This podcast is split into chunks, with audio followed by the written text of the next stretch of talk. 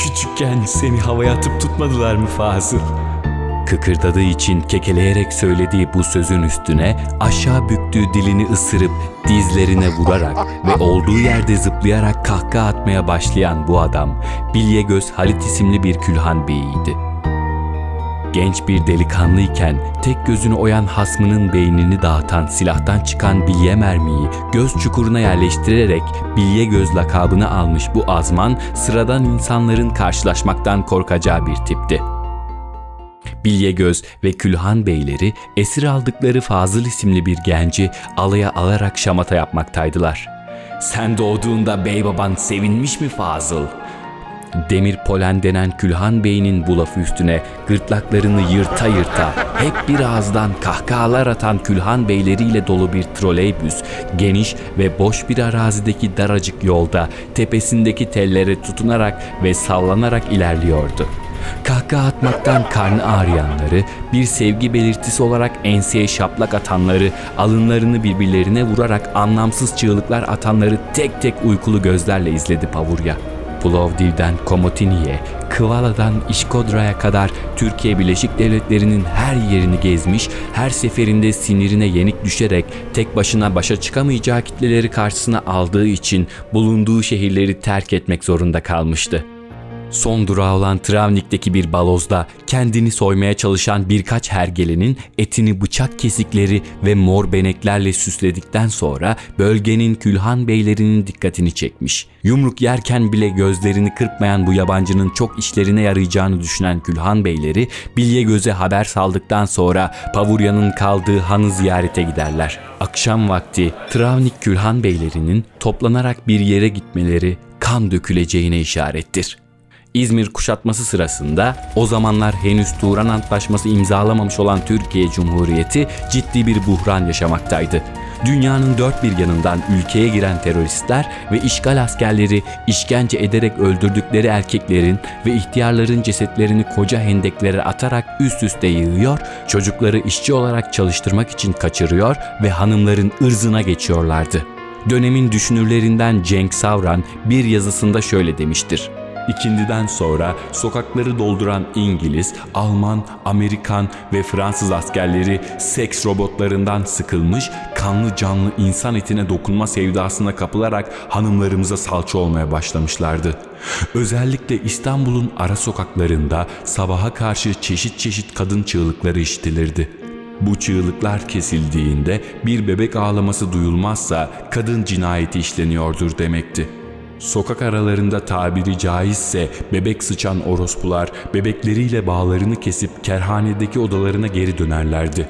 Zamanla gayrimüslim erkeklere ait piçlerle dolmuştu sokaklar. Birkaç yıl içinde sokaklardaki evsiz çocuk nüfusu muazzam rakamlara ulaştı. İstanbul'un en meşhur hamamlarından biri olan Ziyalı Hamamı'nın sahibi Zeytinyanak Supi, tüm çalışanlarının askere alınmasıyla hamamın işlerine yetişemez olmuştu. Öyle ki asırlar boyunca kapanmayan kapılarını sonunda kapatmak zorunda bile kaldı. Ne savaşlar ne de katliamlar babasının, dedesinin ya da atalarının bu hamamın kapılarını açık tutmasına engel olamamıştı. Zeytinyanak atalarına ihanet etmiş gibi hissetti ve derin bir hüzne kapıldı. Günler boyu buz odasına dönmüş koca hamamın göbek taşında iki büklüm yatıp ağladı, sızladı. Her ihtiyar gibi ağladıktan sonra acıkıyor, bir İtalyan göçmeni olan dostu Marocchini Morandi'nin kahvehanesinde tereyağlı patates ve soğanlı makarna yiyordu. Bir gün Morandi'nin kahvehanesinden döndüğünde külhan kapısının kilidinin kırılmış olduğunu gördü. Karşı dükkanın sahibi yufkacı Nazim'in oğlu Hüseyin'i de yanına alıp içeri girdi.'' Artık 70'i devirmiş bu adam minik bir çocuğun tokadıyla bile yere yatabilirdi. Hüseyin'in de pek güçlü bir delikanlı olduğu söylenemezdi. Hatta hastalıktan incecik kalmış kel bir tavuğa benzediğini söylemek daha doğru olacaktır. Bu gerçeğin farkına vardığında hayal kırıklığıyla Hüseyin'e baka kaldı zeytin yanak. Aklına bir şey mi geldi Supi dayı? Uzun ve sessiz bakışmayı bölen bu soru yeniden yerini soluksuz bakışmaya bıraktı sıktığı dudaklarını öpücük gibi uzatarak ve ara sıra gözlerini kaçırarak zeytinyanağa bakan Hüseyin sonunda tedirgin olmuştu. Sufi dayı. Sen git Hüseyin. Bir şey mi? Sen git hadi Hüseyin. Hüseyin burnundan derin bir soluk alarak iç çektikten sonra önden giden başına incecik, beyaz bir boyunla tutunan sağlıksız vücudu uzun ama yavaş adımlarla uzaklaştı. Zeytin yanak bu sırada yanağındaki siyah et beninden dolayı bu ismi aldı. Bu et beninin içinden başını uzatmış esmer bir tüy parçası etrafa bakınır dururdu. Zeytin yanak en çok da bu tüyden tiksinirdi. Sonunda lazerle aldırdı bu et benini. İsmini öğrenen insanların gözleri yanağına kayıp zeytinle alaka kurmaya çalışırdı. İnsanların yanağında zeytin arayışını sabırla bekler, gözlerini devirip Et beni vardı aldırdım derdi. Her neyse zeytin yanak külhanın demir kapısının arasından yavaşça geçti ve karanlığın içinde bir gölge aramaya başladı gözleri. Hamamın alt katındaki külhan hamama ısısını veren koca bir ocaktı esasen. Hamamın ortasındaki göbek taşının altında yanardı kazan ve tavanın köşelerindeki hamama açılan cehennemlik denen pencerelerden sıcak hava çıkar, hamamı sıcacık yapardı. Artık küllerle kararmış külhanı buz gibi olmuştu. Çocukken babası ve dedesi hamamı kapattıktan sonra tavla oynarlardı ve zeytin yanak külhanın sönmüş ocağındaki ılık taşa uzanır, sıcacık küllerle üstünü örterdi. Bunun kendisini neden mutlu ettiğini anlamazdı. Yalnızca anne rahminin insana verebileceği bir güven duygusuydu bu. Zeytin yanak kendisini doğururken ölen annesinin sıcaklığını külhanın ılık taşlarında hissediyor, üstünü örten küller sayesinde kalın ve yumuşak kazaklı bir annenin kollarında yatmayı tecrübe ediyordu. Şimdi buz gibiydi külhan. Babası da, dedesi de çoktan ölmüşlerdi. Hiçbir kadınla aşk yaşayacak vakti olmamıştı hamamın koşturmacasından. Göğsünde yatırarak büyüttüğü bir çocuğu da olmadı. Dizinde hoplattığı torunları da. Musluklardaki suları kesip hamamı kapattığı akşamlar sessiz odasında yapayalnız bir hüzün yaşardı. Karanlığın içinde bir hırsız ararken çocukluk rüyalarına dalan zeytin yanak bir anlığına külhan taşında yatan çocukluğunu gördü. Hayal olduğunu fark ettiğinde kaybolmasını beklediği imge kaybolmadı.'' Oysa rüyalar ve hayaller fark edildiği anda kaçıveren bir perinin oyunlarıdır.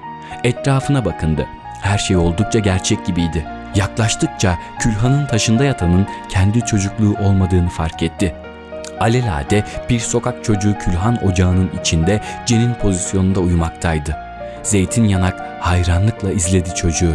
Çocukların ne kadar küçük olabildiğini çoktan unutmuş olduğunu fark etti.'' Çıplak ayaklarını kaplayan çamur kuruyarak lastik bir ayakkabı görünümü almıştı. Paçası dizine kadar yırtık bir şal var, büyük geldiği için beli büzülerek koca bir çengelli iğneye tutturulmuştu. Üstünde paçavraya dönmüş, bir zamanlar beyaz olduğu besbelli olan sararmış bir iç gömlek vardı.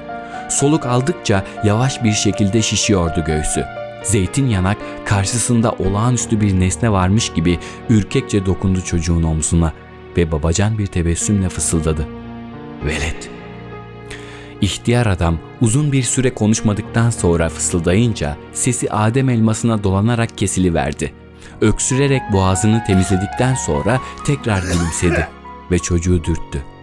Veletcik. Çocuk gerinerek gözlerini açtı ve ihtiyarın yüzünü görünce korkuyla sıçradı. Hırsız değilim bey baba. İhtiyar güldü. Hırsız olsan ne olur? Kül mü çalacaksın sanki? İhtiyarın gülen yüzü çocuğu sakinleştirmişti. Dayak atmayacak mısın? Zeytin yanak bu soru üzerine paslı bir çuvaldız canını yakmış gibi suratını ekşitti. Neden dayak atayım? Çocuk cevap vermedi. Zeytin yanak ne derse desin çocuk dayak yiyeceğinden emindi. Bir anda minik çocuğun karnında kıpırdanan daha minik bir çocuk gördü Zeytin yanak. Şuna bak ya, senden daha mini de varmış.'' Siz çocuklar daha ne kadar ufalanabiliyorsunuz? Minik olan çocuk saf bir ifadeyle gözlerini büyütüp incecik sesiyle konuştu. Sen bir de elmayı gör. Minik çocuk konuşmaya devam edecekti. Ama yanındaki dirseğiyle dürtünce yanlış bir şey yaptığını düşünüp sustu. İhtiyar zeytin yanak kahkahalara boğulmuştu. Elma da kim? Minik olan yeniden heyecanla gözlerini açtı. Çocuk köpek. Doğru ya diye düşündü kendi kendine zeytin yanak. Köpekler de çocuk olabilir, kediler de. Beş ayakkabı uzunluğundaki çocuğun 70 yaşındaki ihtiyara öğrettiğine bakın. Zeytinyanak kendisine korkuyla bakan çocuğu ve bu çocuğun karnından çıkmış gibi duran daha minik ve meraklı olan çocuğu inceledi. Sizin kalacak yeriniz yok mu? Vardı da Mama Nikolaidis aldı. Minik olan o kadar hızlı giriyordu ki söze büyük olan çocuk susturmak için vakit bulamıyordu. Mama Niko, İsmi hatırlayamadı Zeytinyanak ve duraksadı. Konuşmanın tehlikeli olmadığını fark eden büyük çocuk cevap verdi. Nikolaidis. evinizi niye aldı? Müşterilere mendil kutusu yapacakmış. Koca evi nasıl mendil kutusu yapacakmış? Bu kez minik olan girdi lafa. Kocaman değil ki. İkimiz anca sığıyoruz. Elma kucağımda uyumak zorunda kalıyor. Zeytinyanak minik olanın fazla hayalperest olduğunu düşünerek suratındaki külleri temizleyen daha büyük çocuğa baktı. Sorgulayan gözlerle. Doğru söylüyor. İki aydır filan televizyon kutusunda yaşıyoruz.